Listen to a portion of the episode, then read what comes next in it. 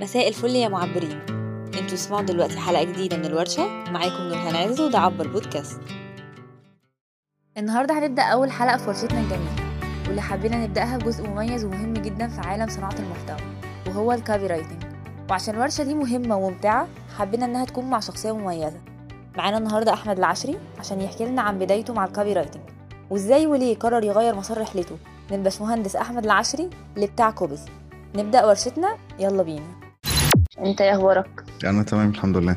آه الحمد لله. معلش بقى هنزعجك كده ساعة أو ساعة وشوية؟ لا مفيش ازعاج خالص ولا يهمك شوف انت عايز. تبدأ إمتى وأنا معاك. آه تمام نبدأ دلوقتي. انت أخبارك إيه؟ تمام؟ أنا كله كويس الحمد لله. الحمد لله. أنا مبسوطة جدا إن الحلقة بتاعت ال copywriting النهاردة تبقى معاك. آه عشان أنا بحب آه، بتاع كوبز جدا وبحب كوبي كاست جدا. فأنا مبسوطة جدا الصراحة النهاردة. يعني آم، متفائلة خير الصراحة. وأنا كمان والله. يعني شكرا جزيلا على الدعوة ال- اللطيفة دي ويا رب تبقى حلقة مفيدة و... والسادة المستمعين يستفيدوا حاجة من من اللي أنا هقوله. إن شاء الله. هي ال- ال- النهارده أنا هعتبر الحلقة دي كأن إحنا رحلة تمام؟ أوكي. ورحلتنا دي عبارة عن ثلاث محطات تمام؟ مم. آه فأنا في المحطة الأولى كنت عايزة أتكلم آه عن عن عشري نفسه بتاع كوبز وكوبي كاست وإزاي كل الحاجات دي بدأت. وباني شخص يعني عمل career shift في حياته.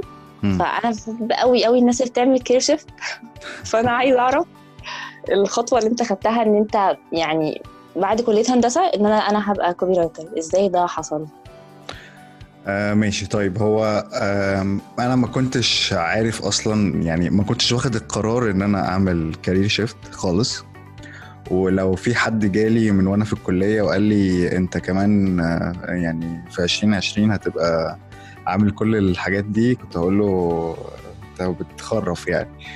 فهو الموضوع جه بتوفيق ربنا يعني. آم، يعني ربنا كان كاتب لي ده فمشيت معايا كده يعني.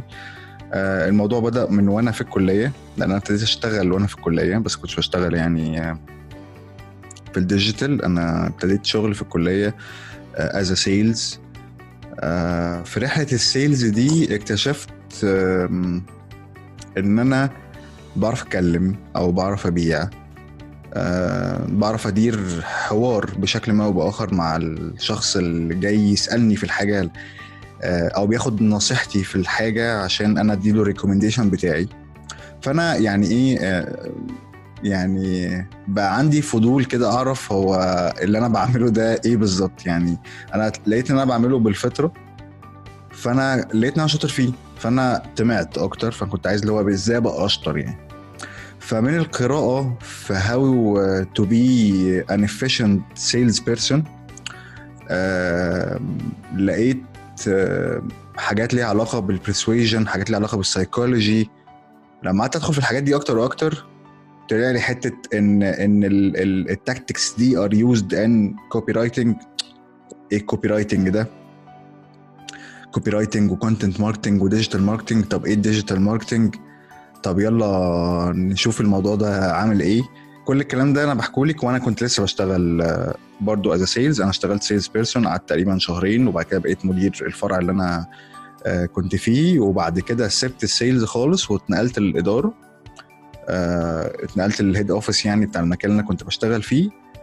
ومن من ساعة ما ابتديت تقريبا أبقى مدير الكلام ده كان في آخر 2010 تقريبا. وأنا ابتديت ادخل بقى في حتة اللي هو ال digital وأذاكر والكلام ده كله آه، فضول مش أكتر يعني فضول بحت. ولما اتنقلت لل head office قلت يعني إيه حسيت إن أنا أنا محتاجة بشكل ما أو باخر أفرغ كل اللي أنا ب process ه من info ده يعني. فمن هنا اقترحت على الشركة اللي أنا فيها يلا ن create ن create asset on social media for the brand طب ومين هيمسك الموضوع ده؟ أنا همسكه. آه وهجرب فيه. طبعا أنا حماس البدايات ده اللي هو آه كنت متخيل بقى اللي هو إيه ده أنا هعمل حاجات boom يعني. بس آه? كلنا كده آه. آه ف بس كانت تجربة لطيفة لأن أنا يعني كان بقى عندي فرصة إن أنا أطبق اللي أنا باخده ده يعني أو اللي أنا بتعلمه يعني. كل ده برضو آه، وأنا يعني كل اللي بيحصل ده وأنا ستيل برضو في في, في الكلية. آه، يعني أنا الكلية خلصت 2013 فكل الكلام ده كان كنت أنا لسه في الكلية يعني. آه، بعد ما خلصت كنت قطعت شوط كبير أو بالنسبة لي يعني كنت قطعت اللي هو سنتين أو سنتين ونص في في الموضوع ده. وربنا كان كرمني بشغل آه، كتير وكده يعني آه، فاللي هو إيه فخدت القرار إن أنا ماشي أنا هكمل آه، في في في الموضوع ده. آه، أنا لما خدت القرار ده ما كنتش أعرف هو صح ولا لأ. ما كنتش عارف أنا رايح لحد فين أو آه، هعمل إيه. ولكن بما إني خدت القرار فقلت إن أنا هركز أو هستثمر كل مجهودي ووقتي في الموضوع ده عشان أحاول إن أنا أبقى ناجح فيه. ولكن ما كانش عندي اكسبكتيشنز أو ما كانش عندي رؤية واضحة أنا هروح لحد فين يعني. والباقي بقى كله آه، جه ورا بعضه يعني آه، طبعا آه، بفضل توفيق ربنا يعني وكرمه عليا. طب انت في خلال رحلتك ديت انت في حد اتأثرت بيه مثلا؟ شخص في المجال نفسه كنت متأثر بيه؟ وكنت نفسك تبقى مثلا زيه؟ شخص متأثر بيه في الإندستري بصي صعب في الإندستري ولا بشكل عام؟ يعني خليها بشكل عام. آه، ماشي. بشكل عام آه، بشكل عام في ناس كتير. يعني أول شخص أنا دايما متأثر بيه آه، آه، بشكل مباشر يعني هو والدي.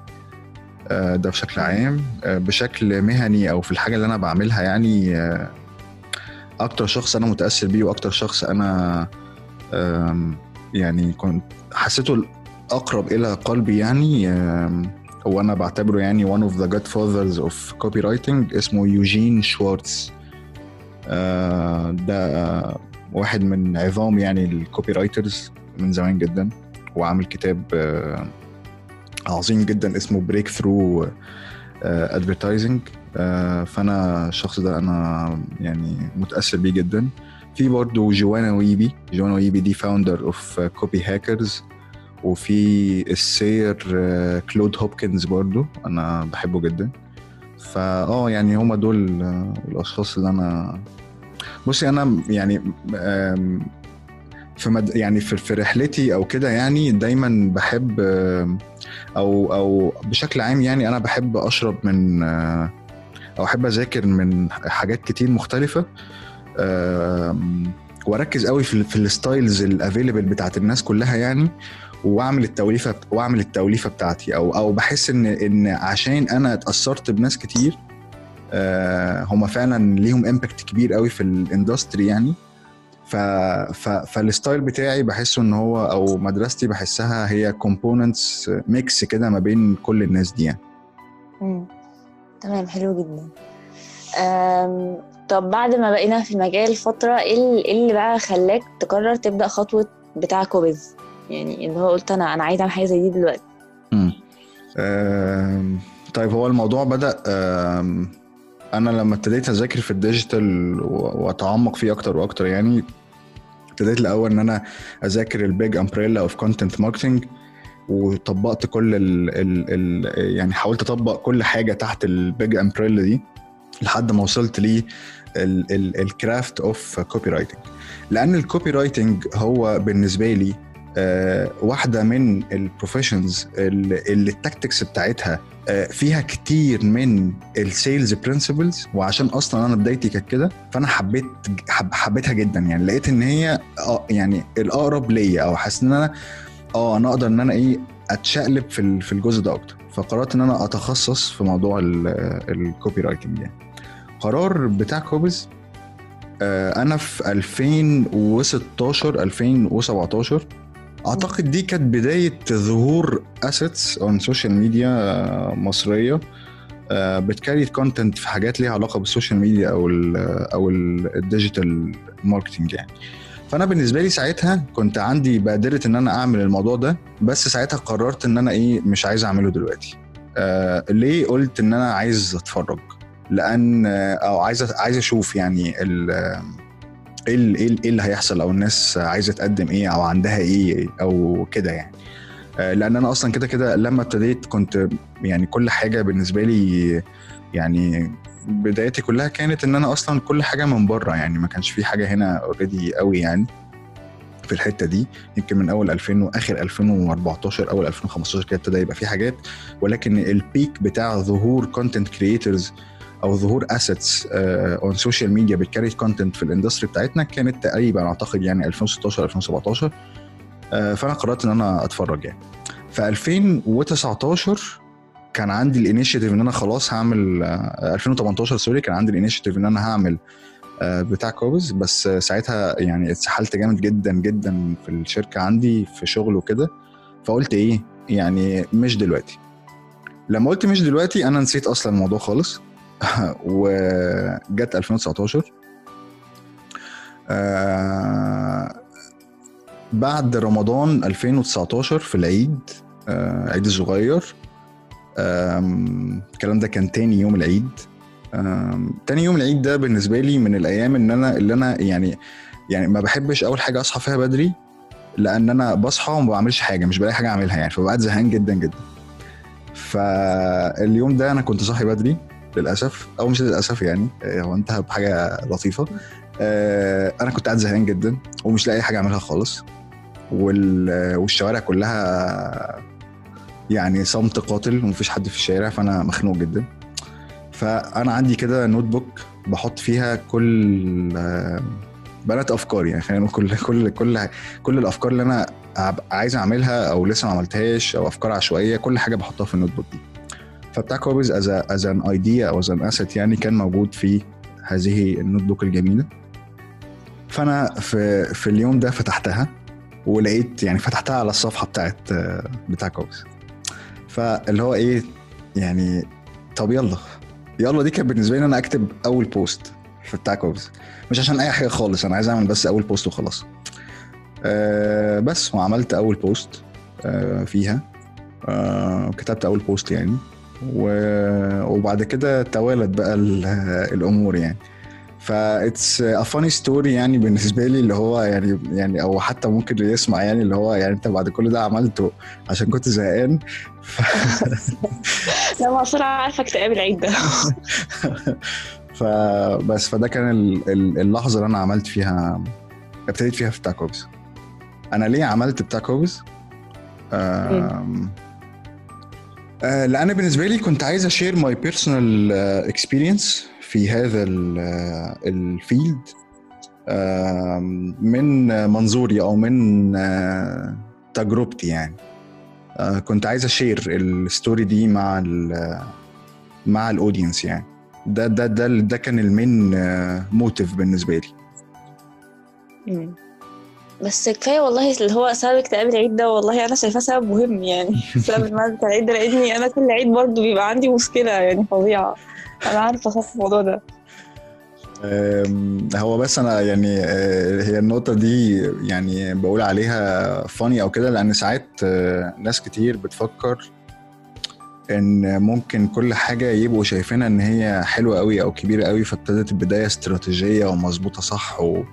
واللي هي بداية محسوب لها بالدقيقة والشعره يعني. آه في حاجات كده بس في حاجات كتير برضو بتبقى يعني بتيجي في وقت كده معين وبت... يعني وقت غير متوقع على الإطلاق حتى بالنسبة لصناعها يعني. وبتنطلق يعني. ما هي أهم حاجة تقريبا في يعني مش عارفة بس هي أهم حاجة في حتة إن هي تنطلق دي هي ممكن موضوع الاستمرارية شوية إن الواحد ما يجيش يمل في النص. آه, آه طبعا. آه مش فكرة يمل بقى فكرة آه مش يمل بس قصدي يمل يحبط آه يتخنق آه يتأثر. بمؤثرات خارجية يبقى عامل سقف توقعات unrealistic جدا فلما يبص على أرض الواقع فيقول إيه ده لأ خلاص مش مش مكمل يعني أو كده فدي من الأسباب طبعا اللي بتحبط أو بتمنع إن الواحد يبقى عنده consistency في الحاجة اللي هو بيعملها ايا كان هي إيه سواء بقى content رياضة حاجة هو بيحبها and so on يعني. آه يعني ممكن يعني ممكن حاجات زي مثلا لو أنت حد مثلا بدأ حاجة زي دي ولقى نفسه الناس اللي متابعاه قليل جدا أو إيه ده ده أنا مفيش حد أصلا بيقرأ اللي أنا كاتبه ده فخلاص آه دي مش بالظبط. جايبة همها. آه. فهي يعني مرحلة يعني انت اتحطيت في موقف زي ده في لحظة من اللحظات مثلا مع بتاع كوبز ان انت حسيت ان انت مثلا في البدايات خالص مش مش كتير مثلا اللي بيتابعك أو مش كتير اللي بيقرأ مثلا حاجة لأنها لسه في البداية مش الحاجة ما بتبقاش أول ما بتطلع بتعمل boom يعني مثلا. هل اتحطيت في موقف زي ده قبل كده؟ آه، بمنتهى الأمانة لأ. لأن أنا لما عملت بتاع copies ما كنتش حاطط expectations فظيعه آه، طبعا عندي objective وعايز أحققه. ولكن كان عندي يعني عندي وعي أو عندي كان عندي من الوعي يعني اللي يخليني realistic جدا في اللي أنا بعمله. تاني حاجة يعني ال content أو أو سبب بدايتي في بتاع copies أو يعني آه، إن أنا أبقى أكتب بشكل مستمر أنا كنت يعني أنا مبسوط بال بال باللي أنا بعمله ده. يعني أنا مبسوط إن أنا آه، آه، يعني فكرة ال achievement اللي هو أنت في حاجة عايز تعملها من بدري قوي وأديك عملتها آه، و و و وهو مكمل فيها والدنيا تمام فده بالنسبة لي كانت حاجة بتبسطني اللي هو أنا يعني بحاول إن أنا أبسط نفسي باللي أنا بعمله في أو باللي أنا في بعمله في بتاع copies آه، والبداية برضو كانت كده فما كانش عندي أي أي حاجات extreme as expectations يعني. آه، خصوصا أصلا إن بتاع copies يعني آه، أنا كل حاجة فيه يعني فكرت فيها كويس قوي آه، وأنا بعملها. وعارف كل يعني أو كنت متوقع كل حاجة ممكن أعملها رد الفعل بتاعها هيبقى عامل إزاي. أول حاجة الاسم طبعا يعني آه، الاسم نفسه أصلا من الأسامي اللي هو عارفة إحنا أي حاجة بنشوف فيها بتاع بنقول اللي هو إيه آه أي كلام. آه. اي حاجة بتتقال وخلاص ما كانش لاقي اسم فحط الاسم ده يعني. فأنا آه فأنا آه اختيار الاسم كان من يعني من من نقطة أو من وجهة نظر يعني فيها شوية sarcasm أو فيها شوية آه، أو اللي هو من سخرية القدر يعني. actually as a copywriter أنا all my uh, um, يعني effort بيطلع في شكل ال copy uh, فأنا بالنسبة لي قلت اللي هو إيه تمام أنا الراجل بتاع ال copies دي. فأنا قلت أنا هسميه بتاع copies الناس قالت أو ال team عندي يعني قال في الايجنسي الاسم والناس آه، مش هت يعني مش اللي هو إيه مش هتتقبل الاسم هتقول إن هو بيقول أي كلام أو كده. فأنا قلت لهم يعني بلاش نفكر on spot خلينا نفكر cumulative أو نفكر تراكمي. لو أنا فعلا بقدم حاجة آه، عاجبة الناس فبعد فترة آه، في واحد هيدخل هيلاقي post هيعجبه فيخش على ال post اللي بعده وال post اللي بعده وال post اللي بعده. ولما يقرأ أكتر هيحس إن ال إن إن الاسم فعلا ليه معنى. فدي كانت حاجة برضو من الحاجات إن أنا عايز أغير المعنى. بتاع الفكرة اللي هو إيه يعني آه، فكرة اللي هو بتاع دي. يعني it's okay إن أنت ممكن تبقى بتاع حاجة بس to equal أو تساوي إن أنت فعلا شاطر فيها. مش تساوي اللي هو أنت كنت مزنوق في اسم حاطه خلاص أو أنت مش لاقي حاجة فبتقول أي كلام يعني فاهم قصدي؟ آه آه. ف- فدي كانت كانت آه، حاجة من الحاجات. وأنا برضو لما ابتديت في بتاع copies بعد أول post أو أول two posts يعني ابتديت إن أنا بقى إيه أحط بقى إيه strategy و plan أنا عايز أروح لحد فين أنا عايز اعمل إيه and so on يعني. فأنا بحط ال plan وال strategy اجابه على سؤالك هو لا ال objective ال objectives كانت realistic جدا بالنسبة لي فما كانش عندي ال- الحتة دي آه، خالص وما زالت يعني عندي. يعني أنا مش بحاول دايما وأعتقد دي حاجة مهمة جدا تبقى بالذات عند الشخص ال creative يعني إن إحنا دايما نسعى إن إحنا نحسنها لازم يبقى عندك وعي قوي جدا تبقى مدرك أنت بتعمل إيه ونتيجة اللي أنت بتعمله ده ممكن تروح لحد فين. آه، أنت كنت بتعمل إيه وغلطت فيه وإزاي ممكن تحسنه عشان في الحاجات اللي أنت لسه هتعملها ما تغلطش نفس الغلطات تاني. ف فبس يعني أنا آسف لو طولت في إجابة السؤال ده. لا لا ده كانت يعني الكلام اللي أنت قلته ده يعني هو هو مهم للسؤال اللي بعده اللي هو في وسط ما ناس كتير جدا بتتكلم يمكن عن صناعة المحتوى آه واتعمل كذا فيديو لحاجة زي كده أو digital marketing عموما. إيه ال pain point اللي أنت لعبت عليها عشان تبقى مميز في وسط كل الحاجات دي؟ طبعا هو شكرا يعني إن انت يعني إن انت شايفة إن أنا مميز وسط كل الحاجات دي. ال pain point اللي أنا لعبت عليها بصي هو مش pain point لعبت عليها ولكن my POV أو my point of view أو وجهة نظري للامور أنا كنت شايف إن الحتة بتاعة ال copywriting أو ال content marketing فيها أكتر من كده ممكن إن إحنا نديه خصوصا إن إحنا في 2019 أو 2020 ومكملين. ف ف ف ف فأنا اللي هو إيه يعني أنا كنت شايف ده يمكن ده كان واحد من ال motives يعني برضو اللي هو إيه إن أنا عايز أ share ال content بتاعي أو my personal story أو my journey أو نصايحي أو وجهة نظري للأمور في ال industry بتاعتنا يعني. فدي الحاجة اللي أنا آه، كنت آه، شايفها. آه، وأنا اخترت إن أنا يعني بتاع copies بص يا نورهان بتاع copies في الأول في الآخر لما أقول لك الاسم ده تحس إن هو شخص صح؟ آه. يعني هو شخص اسمه بتاع copies ما يعني ما ما يعني في ناس كتير ما تعرفش إن بتاع copies ده بتاع أحمد العشري وأنا كنت عايز ده أصلا أو قاصد ده هو فكرة إن ال personality اللي أنت بتتكلم معاها هي اسمها آه، بتاع copies فأنا اخترت إن هي تبقى آه، آه، هو شخص واسمه كده وبي بي بي وبيتكلم دايما يعني أنا دايما بك في ال في ال content اللي أنا بكتبه أنا دايما بكلم واحد. يعني أنا واللي أنا بكلمه. أنا مش بتكلم باسم إحنا أنا دايما بقول أنا عملت كذا كذا كذا. ودايما بكلم الشخص اللي قدامي اللي هو إيه القارئ. طبعا في ناس كتير بتقرأ اللي أنا بكتبه بس كل واحد بحاول دايما إن كل واحد بيقرأ اللي أنا بكتبه يحس إن أنا بكلمه هو شخصيا. ف ف ف ف فأنا بالنسبة لي وأنا يعني ما, ما لعبتش على ده عشان أبقى فيه مميز أو أحسن من حد أو كده ولكن ده ال style اللي أنا حبيته أو ده ال style المريح بالنسبة لي أو الأقرب إلى قلبي يعني. يعني زي ما قلت لك من الأول اللي هو إيه أنا ابتديت بتاع copies أنا اللي هو أنا بعمل الحاجة دي عشان أبسط نفسي أو أحس إن أنا عملت حاجة أو مبسوط باللي أنا بعمله ده. طبعا رد فعل ال audience والكلام اللي بيتقال ويعني دي حاجة عزيزة عليا جدا وعلى راسي من فوق وبتزود سعادتي أكتر وبتخليني متحمس أكتر إن أنا ا keep going أو كده. آه ولكن آه اللي هو إيه يعني اللي هو أنا لو أنا مبسوط باللي أنا بعمله الناس هتحس بده أو الناس هتتبسط معايا فأنا عشان أبقى مبسوط باللي أنا اعمله اخترت ال style ده. اخترت إن هو يبقى بتاع copies اخترت إن أنا أتكلم بالطريقة دي. اخترت إن أنا دايما آه ب share كل حاجة بشكل صريح جدا مع ال مع ال audience. في حاجات ممكن ساعات آه، يعني اكتبها تبقى funny ممكن ساعات حاجات تبقى تقيلة جدا و so serious ممكن حاجات تحس إن أنا يعني ب ب ب ب ب lead أو بهد على اللي- بكلمه آه، أو بقول له خد بالك من ده اعمل ده ما تعملش ده. فكر كويس اعمل كذا. اللي أنا بقوله لك ده هو دعوة إن أنت تفكر يعني.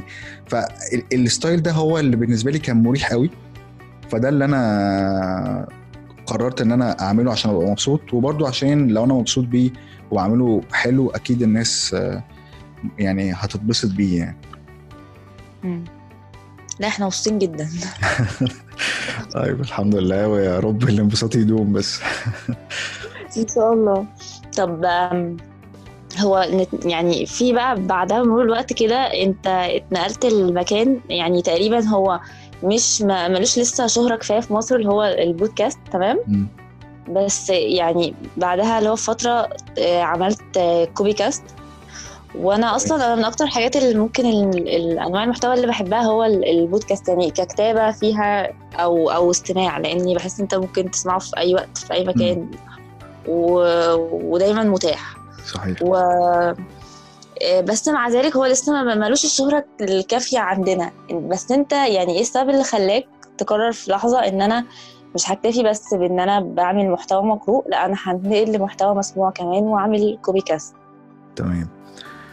آه ماشي. طيب آه بص يا ستي أنا في آخر 2019 كنت نزلت آه poll كده عندي على ال page قلت للناس أنتوا لو حابين تشوفوا content تاني بتاع copies عايزينه يبقى إيه؟ وكنت حاطط two options videos و podcast أنا عامل ال poll ده وعارف النتيجة في الآخر هتبقى إيه يعني. وهي هتبقى ال videos طبعا. آه لأن إحنا بنميل أكتر لهذا النوع من ال content ف... فكانت النتيجة فعلا آه إن ال videos هي ال... كانت ال... النسبة ال... الأغلب يعني. ولكن اللي فاجئني هو ال... ال... ال ratio ما بين ال videos وال podcast كانت ساعتها النسبة تقريبا آه 62 تقريبا في المية videos والباقي اللي هو 38 بودكاست أنا كان عندي expectations إن البودكاست هيبقى أقل من كده بكتير.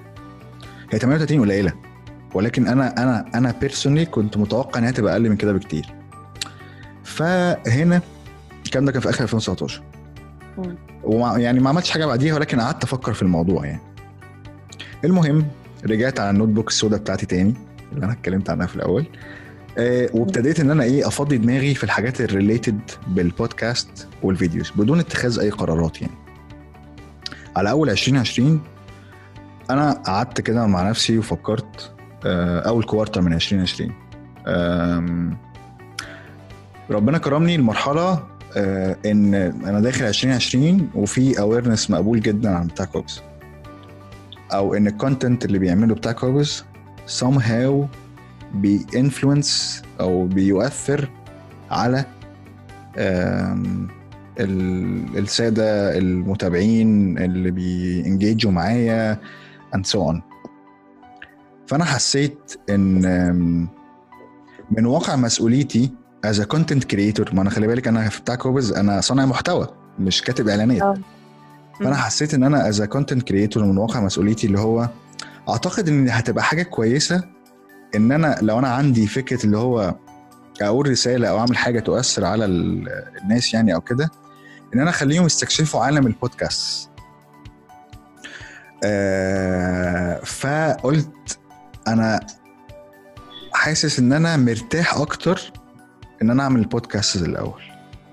السبب التاني لهذا القرار إن أنا as a content creator I have never ever created content for a podcast. فأنا كان اللي هو أنا عندي فضول شديد إن أنا عايز أستكشف حتة ال podcasting دي اللي هو إن أنا أبقى podcaster أبقى ب create content as podcaster فدول السببين بصراحة. وقررت إن أنا أعمل البودكاست الكلام ده كان في, في, في أول الكوفيد تقريبا. أو بعد ما. الكوفيد بدأ كده أو بقى يبقى ليه اس- يعني بيبقى ليه اسم وشهرة كده في شهر ثلاثة تقريبا أو شهر ثلاثة آه آخر ثلاثة تقريبا. أو أول أربعة مش فاكر بصراحة التاريخ بالظبط. ف... فقررت إن أنا إيه أنا خلاص هعمل ال- البودكاست. وبالمناسبة برضو قرار إن أنا أعمله برضو عشان أنا كنت قاعد أنا حكيت القصة دي على ال- ال page كان كنا ساعتها كان في حظر وأنا كنت قاعد مخنوق. فبرضه فتحت ال notebook وشفت الحاجة وقلت بس خلاص يلا بينا إيه أنا هعمل ال ال ال ال البودكاست وتقريبا أنا قعدت نذكر نذكر الملل وال notebook السوداء آه خلاص. حقيقة آه، أنا ساعتها قعدت تقريبا يوم دورت اللي هو قعدت كده بتاع مثلا ست ساعات ولا حاجة بشوف اللي هو إيه how to do a podcast in nutshell كده بسرعة. انجزني يعني edit فين؟ GarageBand. حلو قوي. أ host فين؟ عندك كذا وكذا وكذا وكذا وكذا وكذا. تمام جدا. طيب آه واحد اتنين تلاتة أربعة. لا خلاص أنا إيه هختار ده. كانت قرارات سريعة جدا في ال- في الحتة دي عشان أبدأ. آم، آه، فابتديت إن أنا أعمل ال- ال- البودكاست آه، وقلت للناس حكيت القصة بتاعت أنا عملته إزاي يعني. وابتديت أقول للناس يعني اسمعوا ال ال ال البودكاست. فأنا بالنسبة لي اللي هو فكرة إن أنا أوجه ال audience على هذه المنصة مش عشان بس يسمعوني خلي بالك. يعني ما أنت ممكن تسمعي حلقة مثلا عندي على Google Podcast وتطلعي اللي هو لو أنت أول مرة تدخلي عليه. فأنت. لو أول مرة نزلتيه أو فتحتيه من على ال browser أو ايا كان عشان تسمعي بس البودكاست بتاع أحمد العشري عشان أنت متابعاه أنت automatic وال UI مفتوح قدامك. فاللي هو إيه؟ هو إيه البودكاست ده؟ طب ما subscribe هنا و subscribe هنا. فمرة في الثانية في الثالثه هيبقى عندك لستة لناس أو podcasters بتسمعيهم. غير أصلا CopyCast خالص أو غير إن أنت تسمعي أحمد العشري. فأنا بالنسبة لي اللي هو إيه يعني حلو إن أنا أبقى واحد من الناس اللي اللي, اللي ت promote لل لل لل لل podcasting لأن أنا شخص أصلا أنا أنا أنا personal يعني أنا واحد مستمع آه يعني تقيل لل- للبودكاست. بسمع بودكاست كتير. ف ف ف ف فأنا عارف ال value اللي موجودة في ال- في النوع ده من ال content فحتة إن أنا يعني اللي هو أخلي بما إن في audience بيتابعني وبيتأثر باللي أنا اقوله why not إن هو explore ال content ده؟ why not برضو إن هو لما يشوف إن بتاع كوبز عمل بودكاست إن هو ما يتشجعش إن هو كمان قدام لو عنده فكرة أو كده إن هو كمان يروح يعملها بودكاست إيه اللي هيحصل؟ مم. فدي كانت الأسباب بتاعتي يعني في الموضوع ده طب حلو قوي طب آه، لو إحنا نمسك في آخر جملة إن أنت ع- يعني كان برضو إن كان هدف من الأهداف إن حد يتشجع إنه يعمل حاجة زي كده. مثلا مم. أنت إيه نصيحتك لأي حد عايز يبدأ يعمل بودكاست اعرف انت اعرف انت هت يعني هتقول إيه في البودكاست ده؟ محتاج ان انت تقعد كده مع نفسك وتفكر إيه ال topic إيه ال- ال category أو إيه ال niche اللي انت هتتكلم فيه. إيه حجم ال content اللي انت تقدر تغطيه في ال في ال في الموضوع ده؟ ال- البودكاست من الحاجات اللي, اللي تقدر تعملها حرفيا ب budget يعني قليلة جدا جدا جدا. يعني يعني يعني لو سمعتوا أول ثلاث أو أربع حلقات من البودكاست عندي هتلاقوا إن هم يعني قارنتهم بالباقي اللي فوق يعني. هتلاقوا فرق السماء والأرض ما بين ال آه، ال quality أو أو الكلام ده كله. طيب ليه ده حصل؟ لأن أنا كنت عايز أبدأ وأنا مش مستني بقى إن أنا أخلي أسمح لمخي إن هو ياجل لي قراري. بس أنت ما جبتش مايك يا أحمد. طب انت ما ظبطتش عزل الصوت في ال في ال في الأوضة بتاعتك طب هو انت بقيت شاطر في ال editing قوي عارفه انت المخ كده لما آه، يبدأ يطلع لك ال-.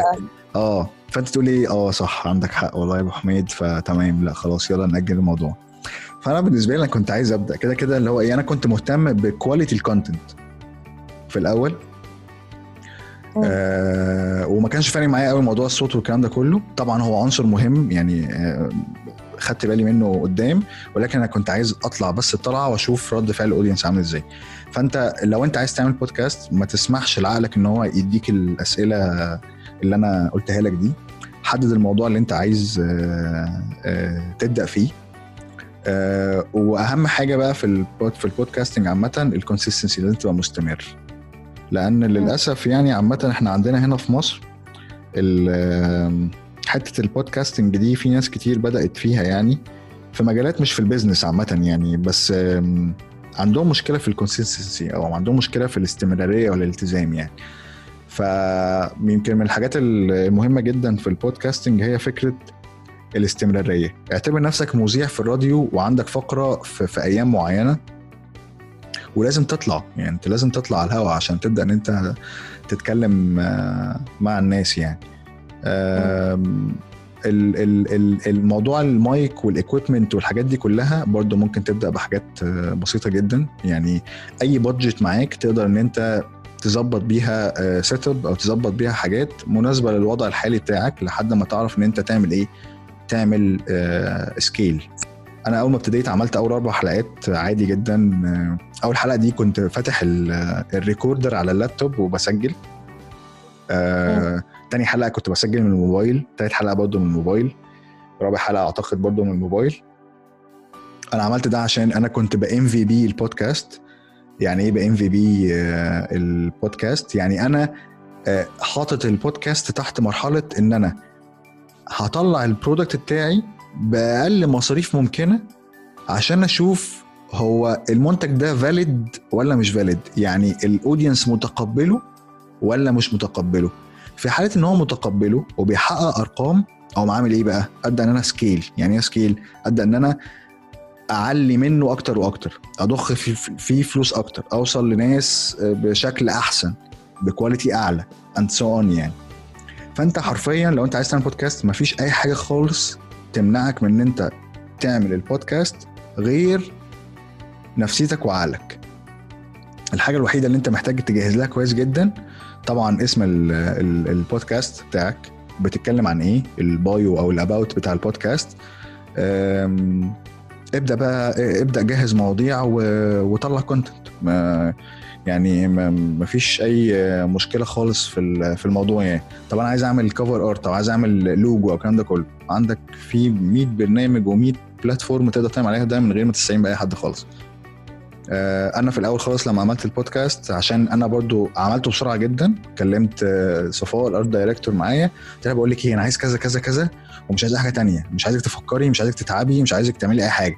العبي لي بس آه، اعملي كوبي كاست كده ب font كذا وطيب وحطي لي مايك وبس ده اللي أنا هبدأ بيه. ولما نفوق هبقى نقعد بقى نشتغل في ال identity بتاعت ال- البودكاست. أنا البودكاست في الأول كان طالع ب identity وبعد كده طلعته ب identity مختلفة خالص. آه عملت ده إمتى؟ لما بقى عندي من رفاهية الوقت ومردود الأرقام و base of audience اللي هو بس تمام. لا أنا محتاج بقى إن أنا إيه أطلع بالصورة دي وأكمل بالشكل ده. آه بس فابدأ بال available resources بتاعتك وفكر في ال scaling أو فكر في ال investment اللي هتعمله في البودكاست قدام. تمام. آه، أنا كان نفسي أعمل بودكاست من فترة أنا هقوم أعمله بعد الحلقة. طيب آم، تمام هو إحنا كده محطتنا في الجزء ده يعني خلاص كده تمام نهيناها okay آه بس هندخل في مرحلة بقى المحطة بتاعتنا التانية مم. اللي هو مجال ال copywriting نفسه بقى والحاجات ال technical وال- والحاجات الأوقات اللي بتخوف الناس والمواضيع دي كلها حلو. يعني أنا شخصيا بخاف من ال copywriting أحيانا يعني مم.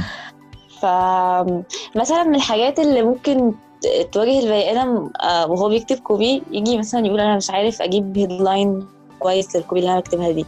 أو أنا عندي مشكلة في ال call to action اللي بكتبه في الآخر.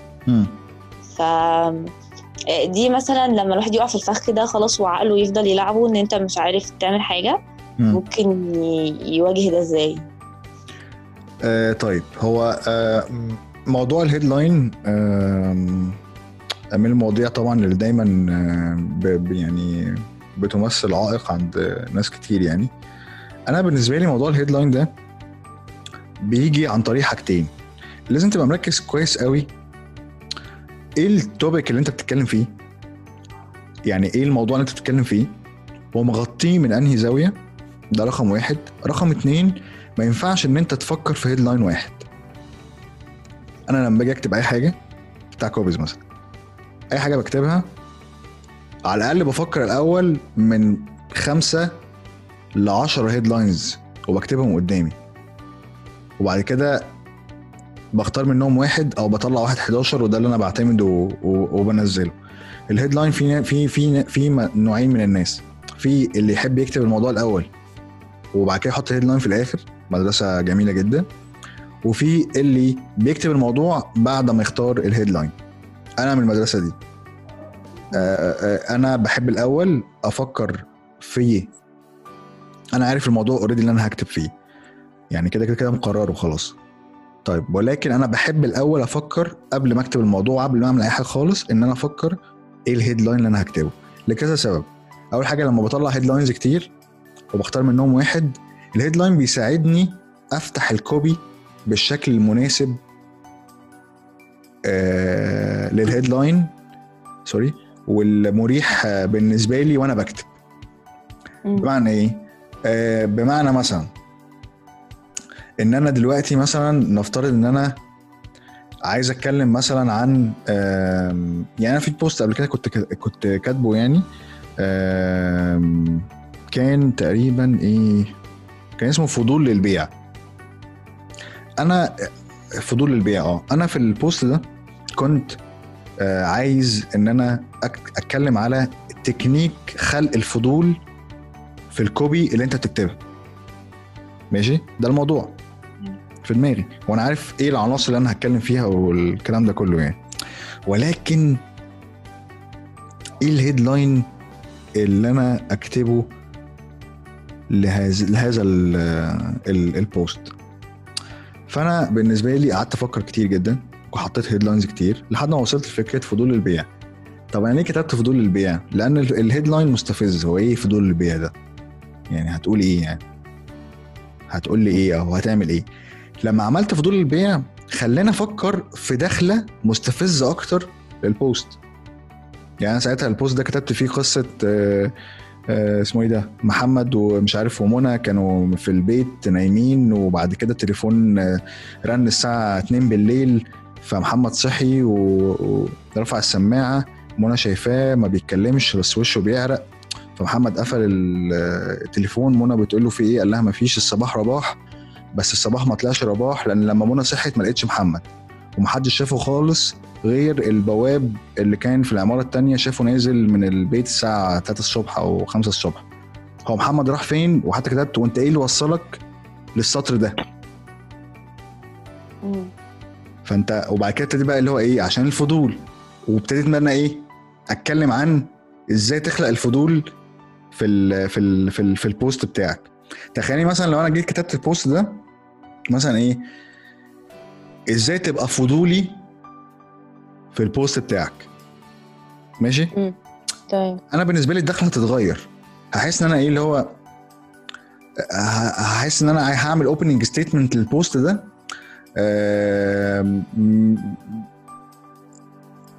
تقليدي أو عادي يعني فأنا بالنسبة لي ال headline دايما أنا بحب أفكر فيه الأول عشان يديني مساحة إن أنا ألعب في ال post زي ما أنا عايز ده ممكن تعمله بالظبط في الطريقة التانية اللي هو أنت بعد ما تكتب الموضوع تختار ال headline بس بحس إن أنا بالنسبة أنا بتكلم بالنسبة لي يعني أنا أنا مش بروج لمدرسة عن مدرسة على فكرة ولا بقول ان المدرسة أحسن من الثانية أنا بتكلم على. التجربة الشخصية يعني.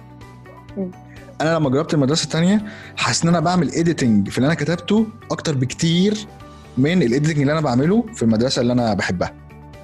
فأنا دايما بالنسبة لي ال headline لازم إن أنت ما ينفعش إن أنت تفكر في headline واحد ويجي ال head أو ال team leader أو ايا كان يقول لك مش حلو فتيجي تقول إيه؟ طب أنا أعمل إيه؟ قبل أصلا ما تعتمد headline لازم تحط variations كتير قوي لل لل headline بتاع الموضوع بتاعك وتختار أنسب واحد لايق على الموضوع اللي أنت بتكتبه. لو أنت بتكتب الموضوع ده بشكل كروكي كده أو عام أو مش مركز فيه قوي هتطلع headline broad جدا أو عام جدا. يعني هتطلع برضه headline شبه ال شبه ال ال post فأنت محتاج تركز قوي وانت بتكتب headline في طريقة كتابتك الموضوع الزاوية اللي انت مختار ان انت تكتب بيها الموضوع ده عشان مخك يبقى عنده من الحرية ان هو يفكر آه إيه ال headline اللي ممكن يطلعه بالنسبة لل لل post لل post ده. طبعا في قواعد لكتابة ال headline لكن أنا مش من المدرسة بتاعت اللي هو امشي على الخمس أو السبع خطوات دول عشان تكتب headline أنا مش مدرسي خالص. ال headline بحره أكبر بكتير من الموضوع ده. طبعا أشهر حاجة طبعا حط رقم. دي طبعا حقيقة. أنت لما بتحط رقم الرقم بالنسبة للمتلقي حاجة incentive جدا أو motive بالنسبة له إن هو يقرأ. ليه؟ لأن هو عارف إن بعد النقطة السابعة ال post هيخلص. وبتدي له إحساس إن هو مش هيقرأ كتير. يعني اللي هو إيه لما أجي أقول لك مثلا بصي يا نورهان أنا هقول لك ثلاث حاجات وهتخليكي copywriter أشطر. definitely أنت عايز تقرا الثلاث حاجات دول. فطبعا ال- الأرقام من من النقط ال- المهمة جدا يعني في كتابة ال headline ولكن ما بحبش أقولها كتير لأن الناس بتستسهل فيها يعني. اللي هو كل أيوة. حاجة خمس حاجات سبع حاجات مش عارف إيه. وبعدين مثلا في مشكلة برضه في في موضوع الأرقام ده. ما ينفعش تقول حاجات. يعني لازم تحدد إيه الحاجات. هما سبع نصايح ولا سبع tactics ولا سبع أخطاء ولا سبع آه، سبع قصص. يعني سبع رقم plus حاجات دي مش حلوة. يعني even حتى لو هتستخدم رقم حاول تحدد إيه الحاجات دي. وما تعتمدش عليه كتير لأن مخك by default هيفكر بالطريقة دي قدام. أول حاجة هيفكر فيها رقم.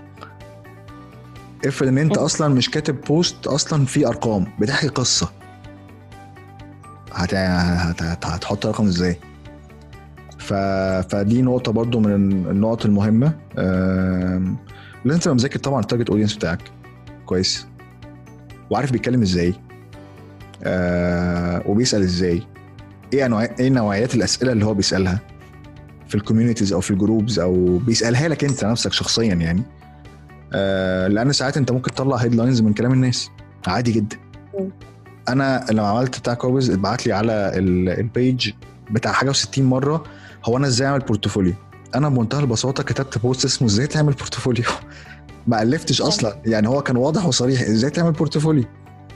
طبعا ال- اللي أنا كتبته ده يعني النقاط اللي أنا اتكلمت فيها أو الكلام ده كله دي تجربتي الشخصية في إزاي تعمل portfolio ولكن ال headline أهو لا creative ولا مطرقع ولا جاي مش عارف منين إزاي تعمل portfolio ليه؟ لأن في ناس كتير جدا بتسأل السؤال ده فمثلا أنت ممكن تعتمد دي على الطريقة دي آه، عادي يعني. مثلا واحد من أكتر الأسئلة اللي بتتسأل إيه الفرق ما بين مثلا ال copywriter وال content creator آه. هل لو أنا دلوقتي نزلت post وقلت الفرق ما بين ال copywriter وال content creator بال headline ده مش هيجي عليه أرقام كتير وك- وكده؟ لا عادي جدا هيجي عليه أرقام كتير وكل حاجة. لأن السؤال ده في ناس كتير جدا عايزة إن هي إيه آه، بتسأل السؤال ده فهي طلع لها headline بيجاوب السؤال ده. why not إن أنا أقرأ ال post ده؟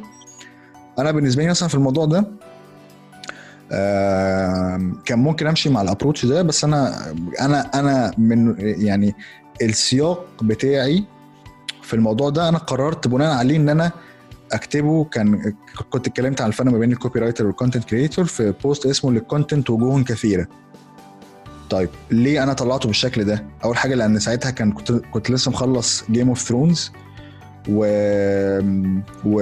و... و... وكان في شخصية في المسلسل من من ال Faceless Men بتغير وشوشها في حاجات كتير جدا. أنا آسف لو حرقت المسلسل اللي ما بيتفرجش بس يعني قلته خلاص آه، فأنا بالنسبة لي اللي هو إيه أنا ال content اللي هو آه ال content has too many faces فأنا قلت لك أنا هتكلم في ال post ده. على فكرة حتى ال design كنت حاطط فيه ال character دي. فأنا قلت في ال post أنا هكلمك عن وجهين من وجوه ال content وهو ال content creator وال copywriter أنا فكرت في كل ده الأول يا نورهان وبعد كده كتبت ال post. ف ف ف فالموضوع في ال في ال في ال headline آه، بحره بحره كبير يعني. مذاكرة ال target audience نقطة مهمة جدا. على الأقل أنت لو كتبت كده عملت عندك sheet وأنا دي بنصح بيها برضو آه، لو أنت عايز تبقى شاطر في كتابة ال headlines اعمل عندك sheet وشوف الناس بتسأل أسئلة نوعها إيه في ال industry بتاعتك في ال communities. ده رقم واحد. مم. رقم اتنين ما تنساش إن أنت متابع. يعني إيه ما تنساش إن أنت متابع؟ يعني أنت صانع محتوى وكل حاجة ولكن أنت بتتعرض لمحتوى كل يوم. فلما تشوف headline حلو ما تاخده copy وحطه عندك في ال sheet واكتب مما أعجبني مثلا. اكتب كده مثلا وحط ال headlines اللي عجبتك كل يوم.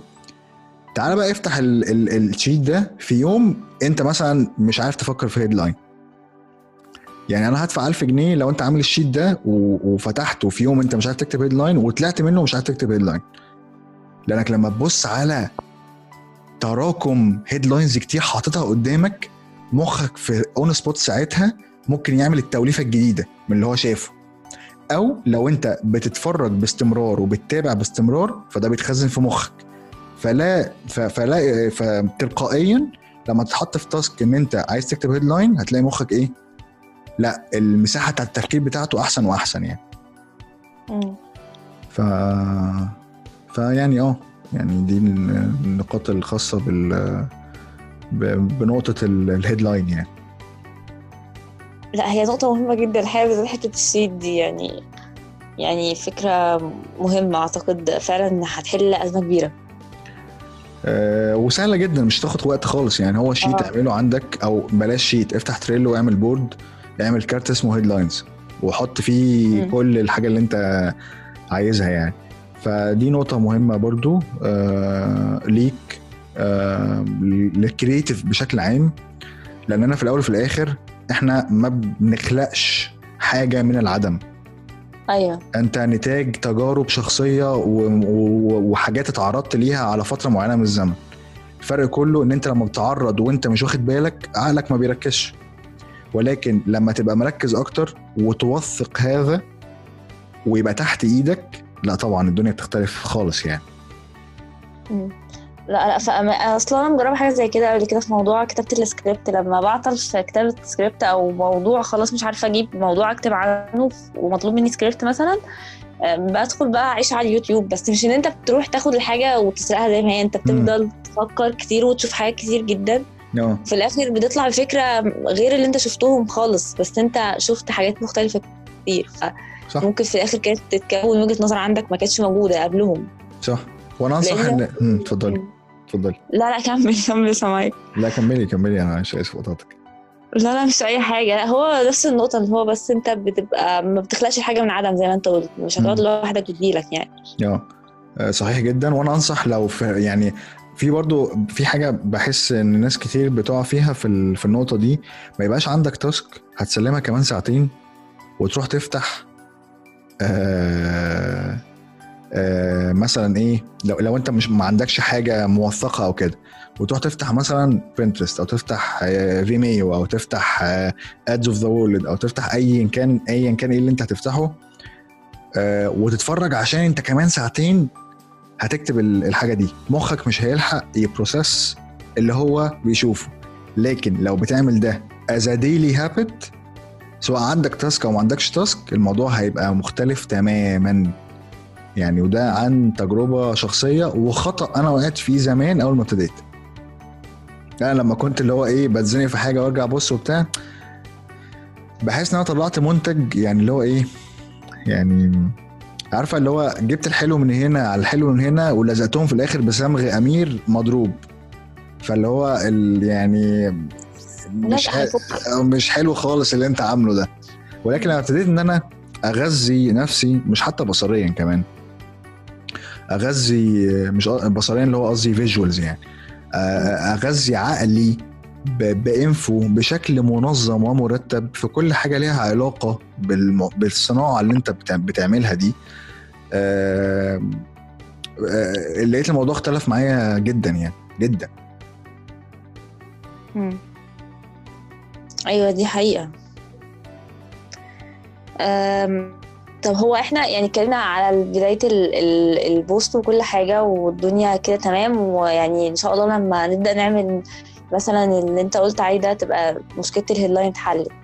آه، أنا بقى جبت headline وقعدت اكتب ال post والدنيا ماشية معايا زي الفل. جيت بقى يعني دي حتة الصراحة بنعطل فيها كلنا اوقات اللي أنا عايز أجيب call to action مناسب اللي أنا عملته أو أو أنا عايزه اقفل ال- post بتاعي بس أنا مش عارف.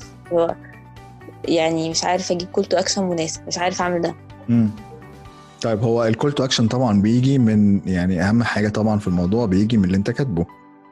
امم يعني يعني اللي هو إيه يعني ال call to action مش بس لمزيد من الاستفسارات برجاء الاتصال على 1 2 3 4 5 6 يعني لأن برضو عارفة ده ال default call to action زي ال default ال headline خمس حاجات ما تعرفهاش عن البتنجان الاخضر ف فال call to action يعني برضو لازم يبقى طالع من اللي انت كاتبه بشكل ما أو بآخر. لو انت مثلا بتبيع تكييفات التكييفات دي بتوفر في الكهرباء.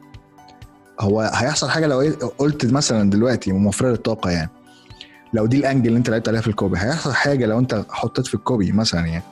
ابدأ دلوقتي آه، وفر في في فاتورة كهرباء بيتك واستخدم تكييف كذا كذا كذا ولو عندك أي استفسار يعني أهو يعني برضه حطيناها أهو بس ال call to action شكله بقى يعني مش ال default يعني ما بقاش. اللي هو اللي اللي انت متعود عليه على طول. طيب إحنا ليه دايما ما بنعرفش نكتب call to action عشان إحنا بنبص على ال copy كأنها ثلاث أجزاء مختلفة. headline body copy call to action فبنتعامل للأسف أثناء الكتابة على أساس إن إحنا data entry يعني إيه data entry يعني إن أنا اللي هو إيه؟ مساحه ال headline تك تك تك تك خلاص تمام بقى. إيه يلا بقى أكتب ال copy لو أنت آه، الصيف حران وحران في الصيف آه، وفاتورة الكهرباء غالية ما تقلقش. دلوقتي تقدر تشتري تكييفات كذا كذا اللي بتوفر آه، في الطاقة. خلاص أنا كده خلصت ال body copy يعني بتوفر في الك- بتوفر الكهرباء sorry أجي بقى call to action لمزيد من الاستفسارات اعمل كذا كذا كذا. لا ال copy هي آه فيها elements ولكن هي structure كامل على بعضه. فلما تيجي تبص عليه لازم تبص عليه كله. لازم تبص انت كاتب إيه ومن اللي انت كتبته برضو تطلع ال call to action اسمه إيه ده؟ ال call to action اللي لايق على ال copy اللي انت كاتبها يعني. ال call to action برضو مفيش أي مشكلة خالص. لو انت بتعاني من إن انت بتفكر في ال default لمزيد من كذا كذا كذا اكتب دي يعني اكتبها اكتبها تمام؟ وقبل ما ت save وترفع طب ما تجرب تكتب تلاتة تانيين. يعني إيه اللي هيحصل؟ مم. يعني أهم حاجة في ال في ال في ال في, ال في الكتابة بالذات في ال copywriting هي ال variations يعني إيه؟ إن أنت ما تعتمدش على ما تختمش على option واحد. طلع options كتير. طلع ثلاثة طلع أكتر من ثلاثة وبص. وبناء عليها اختار. انت ممكن تكتب ثلاثة تقول إيه ده؟ تص- تص- تصدق ان الثلاثه دول مقرفين قوي؟ لا أنا هكتب واحد تاني. آه ده حلو ده. لا برضو مش حلو. لا هجرب اكتب تاني. فهي الفكرة كلها برضو في ال call to action في فكرة ان هو لازم هو لازم طبعا انت محدد لازم تبقى في ال call to action برضو لازم تبقى عارف what kind of action انت عايزه من ال audience. يعني إيه what kind of action انت عايزه من ال audience هل هو ال default أصلا في ال page اللي مزيد من الاستفسارات اتكلمنا على كذا كذا؟ يعني هل ده الطبيعي؟ هل ده اللي كله متفق عليه؟ أو مفيش حاجة تانية؟ رسائل مثلا؟ comments استفسار بخصوص حاجة معينة؟ آه، آه، آه، آه، مش كاتب مثلا عن نقطة معينة مثلا زي بتاعة التكييف موفر للطاقة دي؟ ما ينفعش إن أنت تصيغها في جملة في ال في في ال call to action يعني إيه ال- إيه اللي هيجرى يعني؟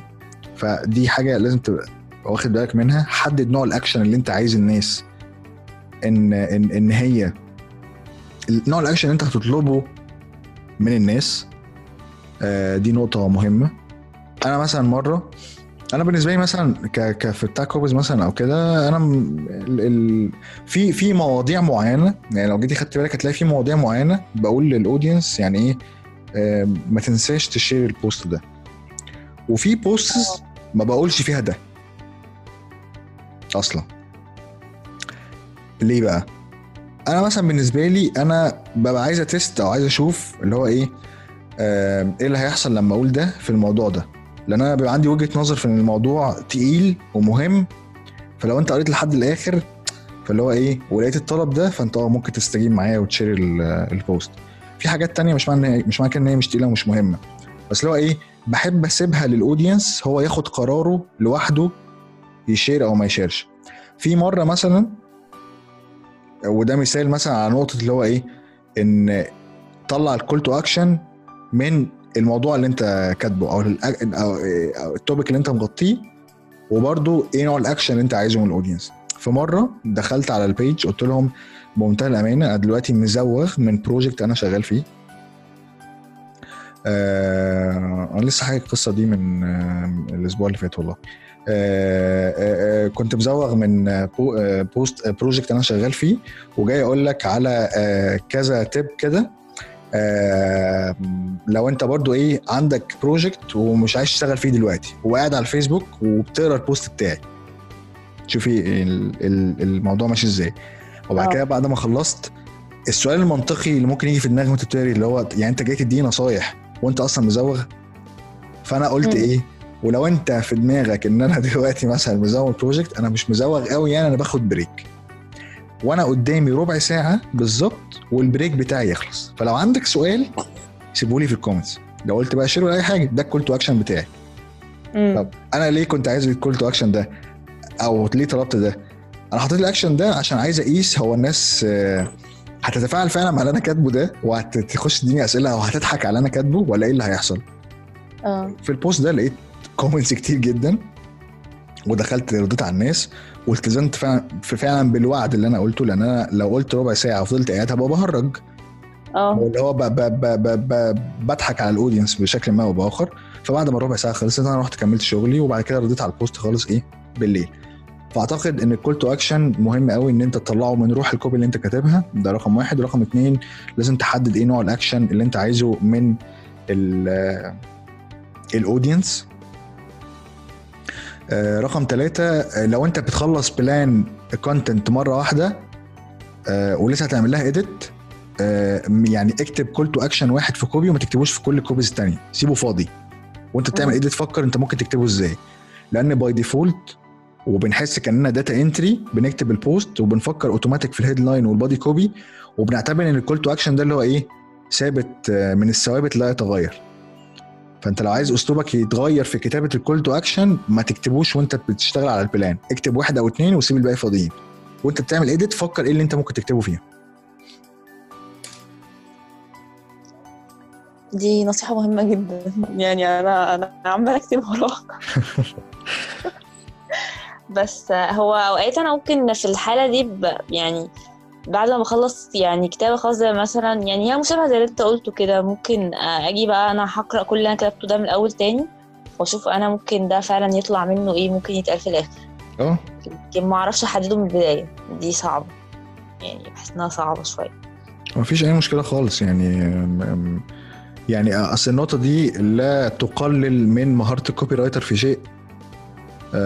ولا بتقول إن أنت كده شغال غلط شغال غلط. اشتغل بالطريقة اللي تريحك عشان تعرف تطلع ال creative مظبوط. سواء في الأول بقى في الآخر دي بتاعتك أنت أعتقد دي بتبقى عادات يعني مثلا يعني في كتب بتبقى معمولة عن عادات ال- ال- الكتاب نفسهم في الكتابة سواء. كانت كتابه روايات أو كتب فأنا مم. بحب الكتب دي ف فبلاحظ حتى من يعني من كتاب كنت بقرأه كان عامل حوار آه، مع كذا كاتب آه، كان اسمه آه، بيت حافل المجانين كان بيتكلم عن حوارات كانت معمولة عالمية في مجلة اسمها باريس ريفيو فكل واحد فيهم كان ليه عادة مختلفة خالص يعني عن التاني في كتابة أي رواية أو أي حاجة. فأعتقد دي بترجع زي ما أنت قلت لراحتك النفسية في الحاجة أنت بتعملها. بالظبط. وتجربتك الشخصية و style حياتك يعني روتين يومك أصلا ماشي إزاي؟ يعني حاجات كتير جدا بتؤثر على على الموضوع ده. مم. آه طب هي في بقى حتة في برضو في ال... في ال copy بتبقى يعني شائكة شوية. الناس بتبقى متخيلة إن انت عشان تكتب copy لازم تبقى قصيرة قوي. يعني أو ال copy دي ما ينفعش تبقى طويلة. آه مع إن المفروض عادي. هو عادي آه فامتى إمتى ال copy تبقى فعلا محتاجة إنها تبقى قصيرة؟ وما مم. ينفعش إن انت تبقى طويلة. وفي حالات اللي هو لأ لازم تبقى ال copy بتاعتك طويلة. هو أنا في قاعدة دايما بقولها في الموضوع ده. ال copy ال copy آه لازم تبقى طويلة بما فيه الكفايه لتغطية التفاصيل وقصيرة بما فيه الكفايه لجذب الانتباه. مين بيحدد الموضوع ده؟ ال copywriter. في الأول وفي الآخر ال copywriter هو اللي بيحدد الموضوع ده بناء على ال brief وال product وال service اللي هو بيشتغل فيه. يعني إيه طويلة بما فيه الكفايه لتغطية كل التفاصيل؟ نفترض إن إحنا عندنا منتج أو خدمة معقدة جدا. فيعني لما أجي اكتبها في سطرين ثلاثة أنا ما قلتش حاجة. يعني ما يعني أنا لسه حتى ما دخلتش في ال features بتاعت ال product أو ال service فما ينفعش هنا حد يجي يقول لا ما يعني اصل أنا لازم نكتبها قصيرة. ما لازم دي بناء على إيه؟ اصل اللي بيقول لازم وما بيقولش لازم هو ال testing حاجة اسمها ال A/B testing ال A/B testing ده أنا بعمل إيه؟ نفترض مثلا في حالتنا أنا هكتب مثلا في موضوع معين. copy طويلة و copy قصيرة. أشغلهم إعلان A/B testing copy اسمها A ودي القصيرة مثلا و copy اسمها B دي الطويلة. ماشي؟ نفترض مثلا القصيرة هي اللي عجباني أو اللي قال لي لازم عايز يشوف دي. ف A هنا اسمها ال control آه، copy يعني إيه control copy يعني دي اللي أنا هقيس عليها إيه اللي بيحصل. افرضي بقى شغلت إعلان ولقيت إن الطويلة هي اللي بتجيب conversion وشغالة أحسن. هفضل مشغل A لا طبعا بالسلامة A B بقت هي ال control. دي اللي هتفضل شغاله فال testing هو اللي بيحدد وهو اللي بيقول. في الآخر يعني أنهي copy هتعتمد في ال في ال في الإعلانات أو في ال conversion ايا كان بقى عامل إزاي. فكرة بقى وأنا بكتب مفيش حاجة اسمها لازم أكتب copy طويلة أو لازم أكتب copy قصيرة. ذاكر المنتج بتاعك؟ فكر أنت أو أنت مطلوب منك كام copy مطلوب منك تتكلم عنه إزاي أو الكلام ده كله وابدأ إن أنت حدد آه، الموضوع ده آه، يعني أثناء كتابتك للموضوع مفيش حاجة اسمها لازم خالص. آه، وحتة إن الناس ما بتقراش حاجات طويلة دي مقولة غير صحيحة على الإطلاق. في ناس كتير بتقرأ حاجات طويلة. آه، وفي target audience مش أصلا هيتفاعل معاك إلا لما يقرأ حاجة طويلة. وفي audience برضه مش هيتفاعل معاك إلا لما يقرأ حاجة قصيرة. ده موجود وده موجود. أنت لما بتبدأ تشتغل أصلا على على account وأنت مش قادر تحدد هتعمل testing برضه. هتتكلم في موضوع طويل وهتتكلم في موضوع قصير مثلا أو copy طويله و copy قصير. وال test. الناس حابة إيه؟ حابة القصير يبقى هتكمل قصير. حابة طويلة يبقى هتكمل طويلة. في حاجات تانية بتحكم على قصر وطول ال copy ال product في product ممكن مش محتاج أتكلم عنه كتير. ازازه. ميه معدنية مثلا. ماشي؟ ما فيهاش أي حاجة. هي ميه معدنية. هل أنا محتاج الف يعني أو أو أو يعني آه، آه، أتكلم عنها ب ب ب ب وأحكي عنها مثلا في 3000 كلمة؟ ليه؟ هي ميه معدنية ومفيش فيها ميزة معينة يعني. فاهمة؟ طب بس بقى إيه آه، مثلا مكنة حلاقة بتعمل 13 حاجة مثلا. وال 13 حاجة حلوين ومهمين. وأنا عايز أقولهم مثلا. أقولهم. يعني اكتب copy وقول فيها الكلام ده. واكتب ال features وال benefits وجرب. وت... واعمل test وشوف إيه اللي هيحصل. في products بسيطة جدا مش محتاجة كلام كتير. وفي products معقدة جدا محتاجة كلام آه، طويل. وفي brief هو اللي بيقول نعمل ده ولا ما نعملش ده وفي audience هو اللي يحكم نكتب قصير ولا نكتب طويل. ولكن أنا القاعدة اللي أنا بقولها عشان يعني اللي أنا قلتها في الأول دي اللي هي لازم ال copy تبقى قصيرة بما فيه كفاية لجذب الانتباه. يعني إيه؟ يعني آه برضو حتى لو أنت هتكتب حاجة طويلة ما تأفورش منك قوي لدرجة إن الناس تحس اللي هو إيه؟ انت بتعيد ليه؟ أو بتقول نفس الكلام تاني ليه؟ انت كده خلاص فقدت ميزة ان انت جذبت انتباههم طب طويلة كفاية لتغطية كل التفاصيل؟ يعني إيه طويلة كفاية لتغطية كل التفاصيل؟ يعني انت ما يبقاش عندك عناصر تقدر ان انت تحطها في ال copy بتاعتك تخليها أقوى وما تكتبهاش عشان حد قال لك لا معلش خليها لي قصيرة. تحديد قص- قصر ال copy من طولها دايما مبني على ال testing. أنا طبعا مش بروج لل short copy ولا بروج لل- لل long copy لكن أنا بقول تحديد ده أو ده مبني على ال testing مم. هو فعلا أوقات ممكن تلاقي فجأة كده client تتدخل يقول لك لا لا دي طويلة قوي خليها لنا قصيرة مم.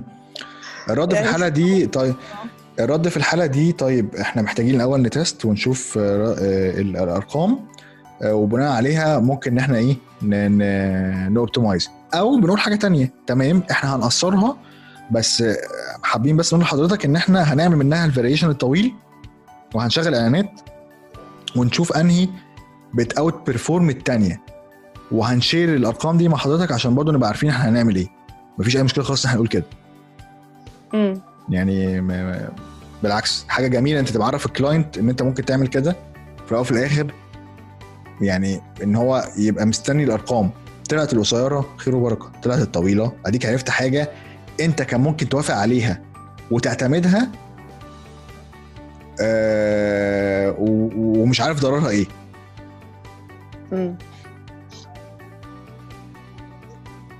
تمام. في اللحظة دي أوقات بقى يعني شبح الفزلكة أو اللي هو بيحسسك إن أنت عشان أطلع كل اللي عندي بقى أنا هتفزلك قوي مم. وأوقات ممكن ده فخ وقع فيه بيقع فيه يعني معظمنا في لحظات اللي هو أنا هستخدم آه، مصطلحات أو طريقة آه، كتابة معينة تخليني أبين قد إيه أنا creative وجامد جدا. فإمتى ال creativity بقى يعني تأثر بشكل سلبي جدا على ال copywriter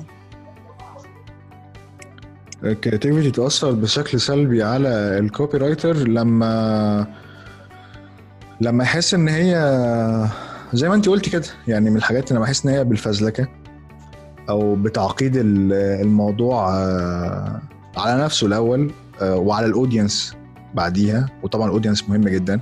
يعني هو أنا لما أستخدم كلمة هي أصلا ال audience يعني ما بيستخدمهاش في طريقة كلامه. أنا استفدت إيه؟ وال audience استفاد إيه؟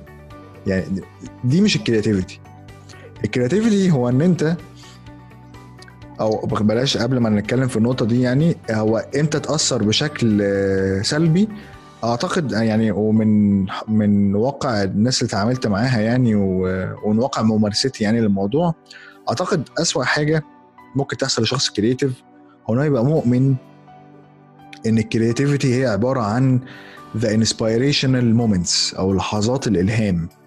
أو إن أنت بما إنك creative فأنت المفروض تبقى قاعد مستني الأفكار مخك يعمل لها processing كده مع نفسها وتطلع تقول لك أنا جيت يلا اكتبني. ده ما بيحصلش طبعا. يعني دي كده أنت creativity دي من نوع سلبي جدا ومش هيعمل معاك أي حاجة خالص. creativity بالنسبة لي هو إن أنت تبقى محدد المشكلة محدد عناصرها عارف أنت بتكلم مين بتفكر في الزاوية اللي تقدم بيها. الموضوع ده لل audience ده بشكل جديد أو بشكل مختلف. مش شكل جديد من الصفر أو مخلوق من العدم ولكن بشكل مختلف. هي دي ال creativity creativity is all about connecting things to each other. إن أنت بتربط النقاط كده ببعض آه، بشكل مختلف وتفرجه للناس. لكن فكرة إن أنا شخص creative هشرب قهوة هسمع فيروز هنزل أجري هقعد مش عارف فين وأروح فين عشان الفكرة تجيلي مش هتجيلك. لكن لو أنت نزلت وقعدت في مكان وكتبت مثلا الحوارات اللي بتدور حواليك مثلا يعني سمعت حوار بيدور حواليك مثلا وعجبك وكتبته كنت مركز فيه وبصيت عليه بعدين آه دي creativity لأنك ممكن تستخدم الحوار ده في حاجة تانية أو ممكن يلهمك بفكرة تانية. ليه ليه ليه ممكن يلهمك؟ لأنك كنت مركز وحطيت input ومخك شايفه وسجله فلما تيجي قدام هيعالجه ويطلع لك بحل. هي دي ال creativity فالشخص ال creative شخص دايما يبقى ماشي ب notebook دايما يبقى بيسجل كل حاجة بيشوفها أي أفكار بتجيله يكتبها. دايما يبقى مذاكر ال target audience اللي هو بيكلمه بيعرف بيتكلم إزاي بيقول إيه ما بيقولش إيه and so on عشان يعرف يتكلم معاهم. بدون أي فزلكة في استخدام مصطلحات عبثية يعني هتخلي اللي بيقرأ مش عايز يكمل قراءة. أو ساعات ممكن نكتب آه copy بشكل سيء قوي أو بلغة يعني مش لطيفة فال audience ما يتقبلهاش. دي مش creativity إن أنت بتحكي ده فكرني بحاجة. يمكن هي ممكن تبقى بعيدة عن ال- الحتة اللي بنتكلم فيها شوية بس إن هو كنت قريت مرة نجيب محفوظ كان بيقول ان إن هو الحوارات اللي كان بي مثلا بيستلهمها من قعدته في القهوة وكده أو بيسمعها من صحابه بدل ما بيروح يحكيها مع حد في النادي كان بيقعد يكتبها. اللي هو هو بيحتفظ بالحاجة دي لنفسه عشان هو آه، يطلعها في في الكتابة بتاعته. فتقريبا هو الحكاية دي اللي خلته أقرب للناس في الروايات اللي بيكتبها أو. في القصة اللي بيحكيها. صحيح جدا آه طيب طيب انت بقى كأحمد العشري مثلا في. خلال رحلتك مع ال copywriting يعني تقدر مثلا تحدد أصعب مثلا copy كتبتها أو أو أصعب campaign عملتها أو وأحسن حاجة مثلا آه، اشتغلت عليها وحبيتها آه، ممكن نقول أصعب وأحسن حاجة هي مش copy. بصي اصل أنا أنا دوري as creative director مش ما ما يعني مش بنسبة 100% في حتة الكتابة ولكن هو في حتة creating concepts و وإن أنا ا direct ا direct ال team أو ا fine tune ال concepts اللي هم بيطلعوها. فأصعب project overall بكل حاجة كانت فيه يعني كان project اشتغلنا فيه آه، آه، آه، مع فودافون لأن كان ليه system معين آه، وطرق معينة لازم نمشي بيها يعني. آه، فدي كانت الحاجة صعبة إن هخلق system جديد لل team عشان أعرف أشتغل عشان اعرف create concept وبس في الآخر يعني طلعنا فيها شغل آه، حلو جدا.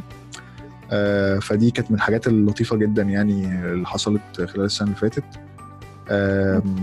أوحش copy كتبتها بصي أنا هقول كده عشان هي أوحش copy كتبتها عشان أنا في 2020 وال copy دي كنت كتبتها في 2011 لكن أنا في 2011 دي كانت بالنسبة لي هو هو هو يعني دي من ال copies ال- أولا لا يعني كان كانت شركة كانت شركة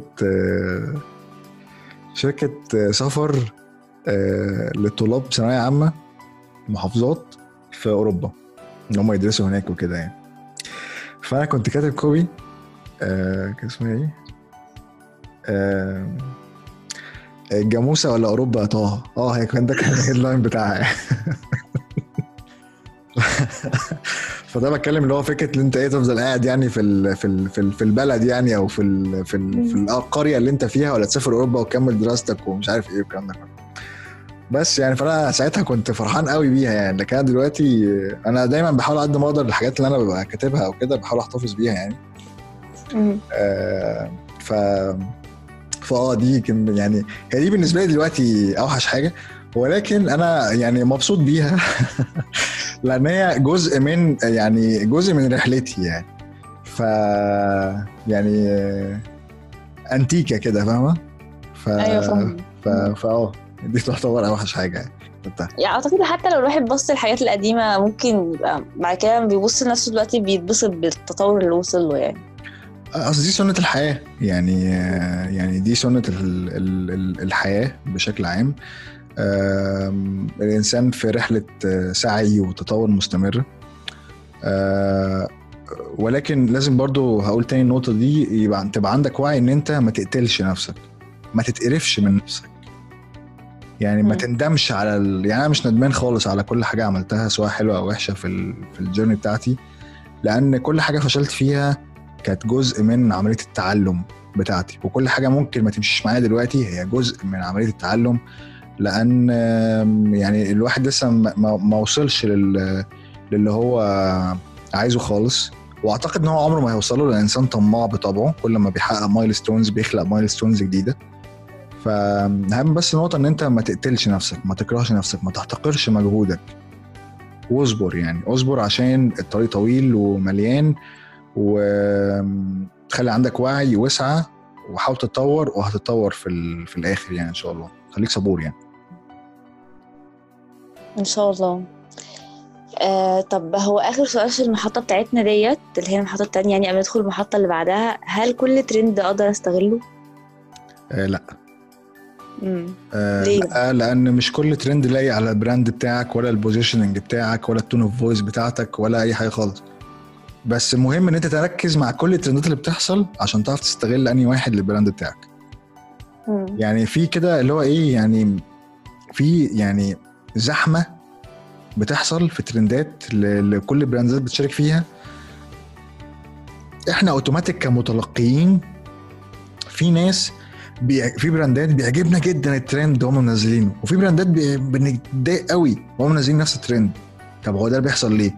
لأن اللي عجبنا قوي ده هو لايق على ال brand ده لايق على ال experience اللي إحنا عشناها مع ال brand ده فهو عارف يستغل الترند صح. ولكن في براندات اللي هو إيه عارفة اللي هو يعني بتحشر نفسها في طابور مم. يلا نطلع بال... بال... بالترند ده. ف يعني لا أنا نصيحتي في النقطة دي خليك طبعا واعي جدا إيه الترندات اللي بتحصل بشكل مستمر. و... و... و... وفكر. فكر هو ده فعلا ما- ماشي معاك ولا مش ماشي معاك. ف فا آه يعني دي وجهة نظري في في الموضوع. حلو جدا. آه دلوقتي إحنا في المحطة الثالثة والأخيرة.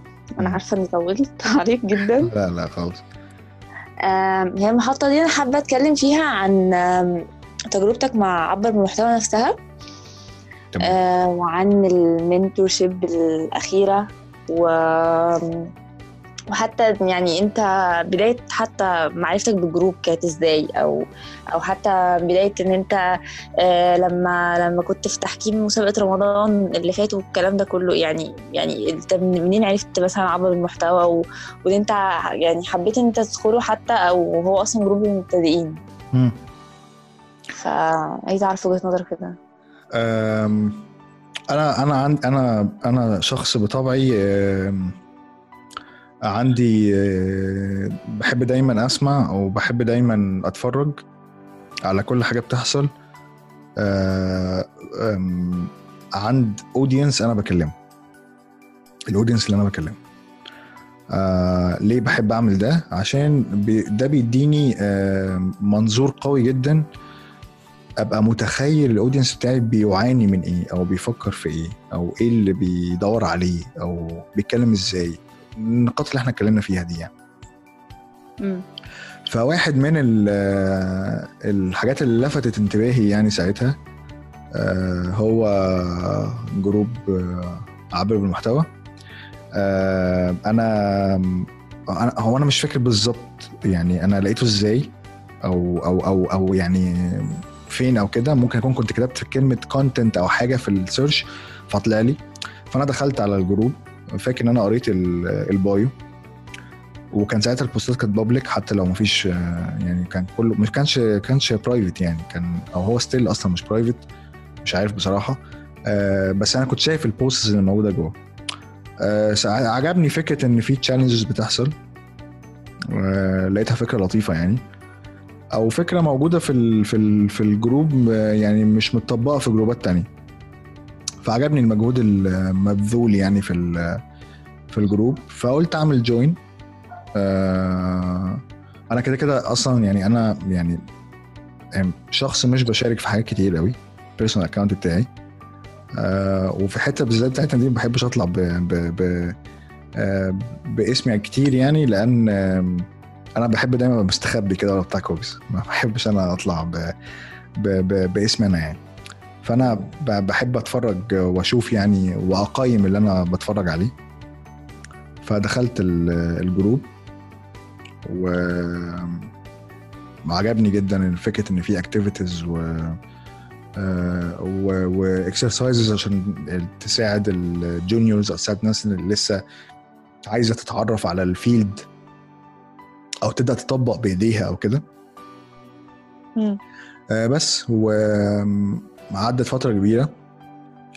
آه، موضوع التحكيم ده كان آه، محمد محمد ياسين آه، بعت لي على ال account عندي وقال لي إن في مسابقة ما بين فريقين وهو كان عايز إن أنا أبقى واحد من الناس اللي evaluate وا يعني شغل الفريقين يعني. فأنا قلت له تمام جدا ما عنديش أي مشكلة خالص. وبس خدت brief ودخلت شفت الحاجة وشفت تقييم شفت شغل يعني الفريقين واديت ال evaluation بتاعي based على اللي أنا شفته وبعته لل- لل team يعني. أو نزلته أو محمد قايله مش فاكر بالظبط إيه اللي حصل ساعتها يعني. بعديها بفترة برضو آه، محمد كلمني تاني آه، وكان قال لي على موضوع آه، فكرة training للناس إن هم يشتغلوا شغل الايجنسي هو النقطة دي بس أنا ما بحبش يعني في النقطة دي آه، يعني يعني ما بحبش يتقال عليا mentor لأن أنا مش mentor خالص. يعني أنا أقل بكتير من إن أنا أبقى mentor فخلينا نقول إن أنا team leader يعني أو head وخلاص. فهو شرح لي الموضوع يعني وكده. فأنا قلت له تمام يعني الوقت هيبقى تمام وإن شاء الله نشوف يعني آه، أشتغل مع ال team يعني وأشوف ممكن نعمل إيه إن شاء الله وكده يعني. فدي كانت ال points of contact أو ال touch points اللي كانت ما بيني وما بين آه، آه، group كونتنتيفاي عبر المحتوى. طبعا في في أسئلة كده كنت مم. بلاقي كنت بلاقي أحس إن هي debatable جدا بشوفها بشكل عام يعني. آه، فكنت بحب إن أنا إيه آه، أدي يعني أخش أجاوب على السؤال ده لأن كنت بحس اللي هو السؤال ممكن يبقى ال debate يفضل فيه مفتوح كتير فكنت بحس إن هو إيه أعتقد إن أنا ممكن أساعد بإن أنا أجاوب على على السؤال ده يعني.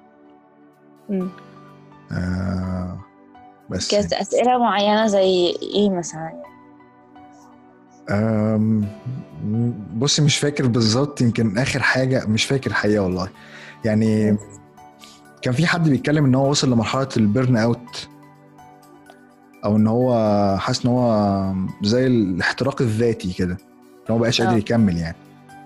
ف فدي حاجة صعبة جدا ف... فأنا يعني دخلت ساعتها قلت له ال... يعني قلت له اللي عندك إيه بالظبط والمفروض تعمل فيه إيه يعني وفي حاجات بقى كانت technical يعني بس أنا مش فاكر قوي بالظبط إيه الحاجات ال- ال technical بصراحة يعني. آه طب التجربة نفسها في ال mentorship دي يعني مش هنقول عليك mentor خلاص أنت okay. team leader تمام؟ آم، التجربة نفسها بقى مع ال team بتاعك أو العشرة اللي كانوا معاك. آه. إزاي عرفتوا تكونوا مبدأ الايجنسي وإن أنت آم، تشوف مثلا إيه ممكن تبقى نقاط الضعف اللي أنت عايز تطورها أو نقاط القوة اللي أنت عايز تستغلها بعدين فيهم عشان تقدر تطلع campaign معاهم زي ما مثلا ما مفروض ما كنتوا متفقين من البداية. أم، هو في الأول خالص كانت مرحلة استكشاف بالنسبة لي وبالنسبة لهم. أه هم يعرفوني تحت الاسم بتاع كوبز. أه أنا ما أعرفهمش بشكل شخصي قوي يمكن أعرف حد أو اتنين لأن هم موجودين على بتاع كوبز أو بيبعتوا لي بس ما ما شفتش شغلهم بشكل يعني ما ما اشتغلوش معايا يعني. ف- ففي الأول كانت مرحلة استكشاف آه، عن طريق آه، في الأول حتة إجابة سؤال أنا إزاي شغلتهم على فكرة الإيجنسي أو كده. أنا كده كده عندي إيجنسي فإحنا ماشيين by rules معينة أو process معينة فأنا شرحت لهم ال process دي قلت لهم إحنا بنعمل فيها إيه.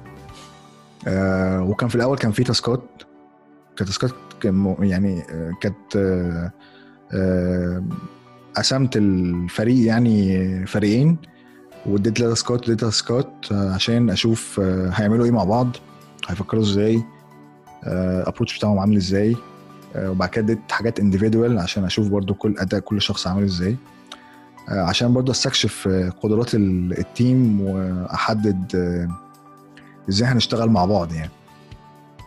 فدي كانت ال process بتاعتي في الأول. طب انت إيه أصعب حاجة واجهتكم في ال- خلال ال- الفترة دي؟ هو أصعب حاجة في ال campaign دي كانت فكرة إن أنا أوحد أسلوب 10 أو 8 لأن كان في اتنين designers 8 copywriters أوحد أسلوبهم في الكتابة. دي. كانت أصعب حاجة يعني. ان هم كلهم يكتبوا لما ابص على اي copy موجوده في الشغل احس ان هو واحد اللي كتبها. بحس ان. كل واحد بيفرض اسلوب كتابته في في ال copy فاعرف ان دي بتاعت فلان ودي بتاعت علان ودي بتاعت اسمهان ودي مش عارف بتاعت مين. ف... فانا كان بالنسبة لي لازم ال tone تبقى واحدة عشان سبوتيفاي و ده ال brand اللي هشتغلنا عليه. ولازم آه، تبقى ماشية في ال direction بتاع ال- ال brand ده. فأنا مش عايز إن أنا لما أشوف ال copy أعرف دي بتاعت مين. أنا عايز لما اشوفها أقول آه سبوتيفاي ممكن تعمل كده تعمل ده أو تعمل ده فعلا يعني. فدي كانت أصعب حاجة توحيد ال style بتاع ال team كله. طب ليه سبوتيفاي بالذات هو ال brand اللي انت اخترته إن انت تشتغل عليه؟ ليه سبوتيفاي هو ال brand اللي أنا اخترت إنهم إن أنا أشغلهم عليه؟ آه ماشي. بما إني podcast listener فأنا بحب البودكاست جدا. وبما إن إحنا زي ما اتكلمنا في الأول في موضوع البودكاست ده إن مفيش popularity قوي في أو awareness كافي عن الموضوع ده. فما أعتقدش إن حد فيهم أصلا فكر في مرة أو خطر على باله إن هو يعمل حاجة campaign ل podcast يعني. بما إني بحب سبوتيفاي جدا آه يعني طبعا ده مش إعلان لسبوتيفاي ولا حاجة فيعني بس آه يعني أنا بحب ال usability بتاعت ال- ال brand ده جدا وال features بتاعته وال benefits وال positioning اللي هو عامله لنفسه. وبما إن كمان أصلا إن سبوتيفاي بودكاست مش موجودة في مصر يعني هي موجودة في كل حتة بس مش موجودة في مصر. فكانت challenge كنت شايفه challenge لطيف بالنسبة لهم يعني. إن هو يذاكر ال brand ويذاكر ال positioning بتاعه unique selling points بتاعته بيتكلم إزاي إيه ال campaigns اللي هو عملها قبل كده يعمل إيه ما يعملش إيه ال tone بتاعته and so on يلا بقى نطلع concept يلا بقى إيه نطلع direction يلا نكتب copies يعني. فانا اخترته عشان الاسباب دي يعني. اعتقد برضو القدر حطكم في challenge صعب تاني لما سبوتيفاي عملت campaign كانت يعني قبلكم كانت واخدة نفس ال direction اللي أنتوا كنتوا المفروض مقررين إن أنتوا تاخدوه. مم. حاجة زي دي بقى انت يعني قدرت ت handle ها إزاي؟ بصي أنا ما اتضايقتش خالص من الموضوع. يعني ما ما ما, ما حسيتوش أزمة. بالعكس أنا انبسطت. انبسطت لل لل team يعني. لأن بمنتهى البساطة ال team اللي اشتغل ده ذاكر كأن سبوتيفاي داخل الايجنسي وده ال brief بتاعنا. عايزين نطلع creative work plan creative strategy يلا نطلع ال concept وال ideation يلا ن execute يلا ن finalize ده باختصار يعني اللي المفروض بيحصل يعني في الشغل يعني. فال ال ال ف as team working in virtual agency طلع الشغل ده. فدي كانت بالنسبة لي حاجة لطيفة يعني. لما شفنا ال campaign الثانية يعني أنا اتبسطت لل team لأن هو فعلا قدر يشتغل كأن هو موجود في ايجنسي واستلم ال brief ده. وإن هو طلع حاجة من روح ال positioning بتاع ال brand زي ما ال campaign بتاعت سبوتيفاي اللي نزلت كانت برضو من روح سبوتيفاي ف فما يعني ما اتضايقتش خالص ولا كنت شايل هم الموضوع ده وأنا حكيت الموضوع ده أصلا في post نزلته في ال group آه يعني آه، بالعكس يعني same positioning أو same brand spirit طالعة في في ده وده. ده غير أصلا انها فعلا on paper يعني أو بالتواريخ. إحنا مخلصين ال campaign دي من بدري قوي يعني. فإحنا ما عملناش حاجة بعديها يعني. آم، تمام. طب أنت كتيم ليدر إيه الاكتر حاجة أثرت فيك من خلال التجربة دي؟ يعني آه أكتر حاجة أثرت فيا بمعنى إيه؟ يعني مثلا آه، في خلال التجربة دي في نهايتها لما لما خلاص أنت حسيت إن العشرة فعلا اللي معاك أنت قدرت مثلا تفيدهم أو تعلمهم حاجة جديدة أو يخرجوا مثلا آه، بحاجة جديدة غير ما كانوا داخلين وإنهم قدروا يطلعوا campaign وعرفت توحد ال tone بتاعتهم وكل الكلام ده هل ده أثر فيك ك team leader أو أو أثر فيك في يعني كأحمد العشري عموما؟ آه، أثر فيا أكيد حاجة بسطتني جدا. آه، لأن هو project ما كانش سهل خالص خالص يعني. آه، فيعني أكيد اتبسطت طبعا في الآخر بال بالنتيجة. آه، وبال آه، والناس شافت المجهود يعني اللي تم بذله في ال في ال campaign فكنت اتبسطت وارتحت يعني. يعني آه، دول أكتر حاجتين حسيتهم الحقيقة لما نزلنا ال campaign طب هو آخر حاجة خالص النهاردة ممكن أقولها لك. أه، أنت في النهاية كده ممكن تنصح حد لسه داخل المجال بإنه يبدأ إزاي أو يعمل إيه؟ مثلا يبدأ يقرأ كتب معينة يبدأ ياخد كورسات معينة ي- يبدأ يتابع ناس معينة يعني أو يمشي دنيته إزاي؟ أعتقد إن أهم حاجة لازم حد لسه بادئ يبقى عارفها ودي أنا. دايما بقولها يعني إن في فرق ما بين الحصول على العلم والتعلم. إن أنت تحصل على العلم دي سهلة جدا إن أنت تتعلم اللي أنت حصلت عليه ده دي مش سهلة خالص لأن الفرق ما بين إن أنت تاخد علم وتتعلمه هو التطبيق والتجربة فأرجوك ما تقعدش كتير بتتفرج على محتوى وما بتطبقش ما تحطش بوستس انت شايف ان هي valuable في ال saved zone on فيسبوك وتقول هشوفها بعدين مش هتشوفها بعدين. حاول ان انت تطبق طالما انت في الأول طبق كتير. التطبيق هو اللي هيعلمك. التطبيق هو اللي هيسرع عملية التعلم عندك. آه، آه، ما تخافش ان انت تطبق عشان عشان خايف ان انت تغلط. يعني رحب بالغلط. يعني رحب بعملية العك اللي انت هتعكها. لأن دي اللي هتعلمك. محدش فينا ابتدى وكان عبقري زمانه في في الكتابة. أول copy هتكتبها مش زي ال copy رقم 100 مش زي الكوبي رقم 200 وأنت عمرك ما هتعرف الفرق ده إلا لما تكتب بإيدك. ف أصل بص إحنا في 2020 والمحتوى ال available في ال industries بتاعتنا كبير جدا. ف ف ف يعني فكرة إن أنت تحصل على علم دلوقتي بقت سهلة. يعني مش محتاجة تعقيدات. مش زي مثلا ما كنا في 2010 2011 مثلا. في طبعا الموضوع اختلف تماما دلوقتي. فالموضوع دلوقتي بقى أسهل. ولكن سهولة أو أو ال إن الموضوع بقى سهل جدا ومتاح 24 ساعة بيخلق عندنا إحساس زائف بالأمان. قشطة ما أنا لو ما عملتش ده دلوقتي بكرة هبقى أشوفه أو بعدين هبقى أبص هنا أو أبص هناك أو أقفل هنا وهناك وأشوف حد تاني. فلا يعني حاول إن أنت تستغل ما تتعرض ليه من محتوى وحاول إن أنت تطبق في أسرع وقت ممكن خصوصا إن أنت لسه في الأول لأن ده اللي هيعلمك وده اللي هيحسن آه، من مستواك. ده. دي دي النصيحة العامة يعني بالنسبة لحد بيبدأ. آه، ما تت ما يعني ما ما ترتبطش عاطفيا بشغلك لأن دي حاجة سيئة للغاية. مش هتخليك تعرف تتقبل نقد. آه، وهتشوف كل النقد هدام مع إن ممكن يبقى فيه كتير منه بناء. فما ترتبطش عاطفيا بشغلك. آه، وما تزعلش أو ما تخافش إن أنت تغلط. يعني كلنا بنغلط. يعني عادي جدا. يعني وما فيش حد كبير على غلط خالص. مش في الأول كمان ده بعدين عادي. ف فدي دي دي النصيحة العامة. بالنسبة للكتب والمصادر والكلام ده كله آه، أنا في في الحتة دي ما بحبش آه، أدي مصادر كتير أو أقول حاجات كتير قوي لأن في عارفة اللي هو إيه في حاجة اسمها يعني تخمة المعلومات. يعني تخمة المعلومات وبرده مش مش هعمل بيها حاجة. لو جيت دلوقتي مثلا أو أنا حتى مثلا على يعني أنا في فترة مثلا الكوفيد كان في ناس كتير عاملة كورسز في مؤسسات محترمة جدا في ال industries بتاعتنا. أنا لما جيت نزلت نزلت course واحد. كان من website ديجيتال ماركتر كان عامل عليه خصم 100% عمل كان عامل كورسات كتير جدا. فأنا نزلت لهم قلت لهم هنا في course ال copywriting mastery سجل وادخل اتعلمه ال course محترم جدا يعني. آه، دايما بنزل حاجة واحدة ما بنزلش حاجات كتير.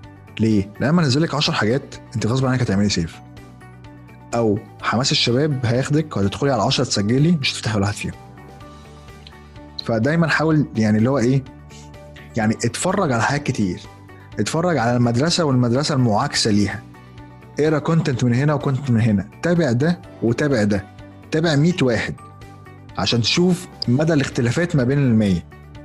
بس لما تيجي عايز تسكيل أو عايز تطور أو كده حاول إن أنت تبدأ تختار ال ال ال المدرسة المفضلة ليك أو المصدر المفضل ليك. وما تتجاهلش الباقي. بس بدل ما كانوا 100 ما تجرب تخليهم 50 قدام شوية بدل ما كانوا 50 ما تخليهم 20 وبعد ما كانوا 20 ما تخليهم 10 هو ليه ال filtration مهم؟ لأنك في الأول بتبقى عايز تاخد على كل المعلومات من كل حتة. بس بعد فترة لما بتتطور أنت عايز تاخد معلومات أتقل صح ولا لأ؟ آه. فبتبدا إن أنت تبص على ال 100 حتة دول وتشوف مين مستمر في تقديم أتقل. وتفضل كده كده كده لحد لما تبقى إيه خلاص بقيت advanced وفي كلام أنت مش محتاج تشوفه دلوقتي مش عشان هو مش مهم. ولكن عشان انت عارفه.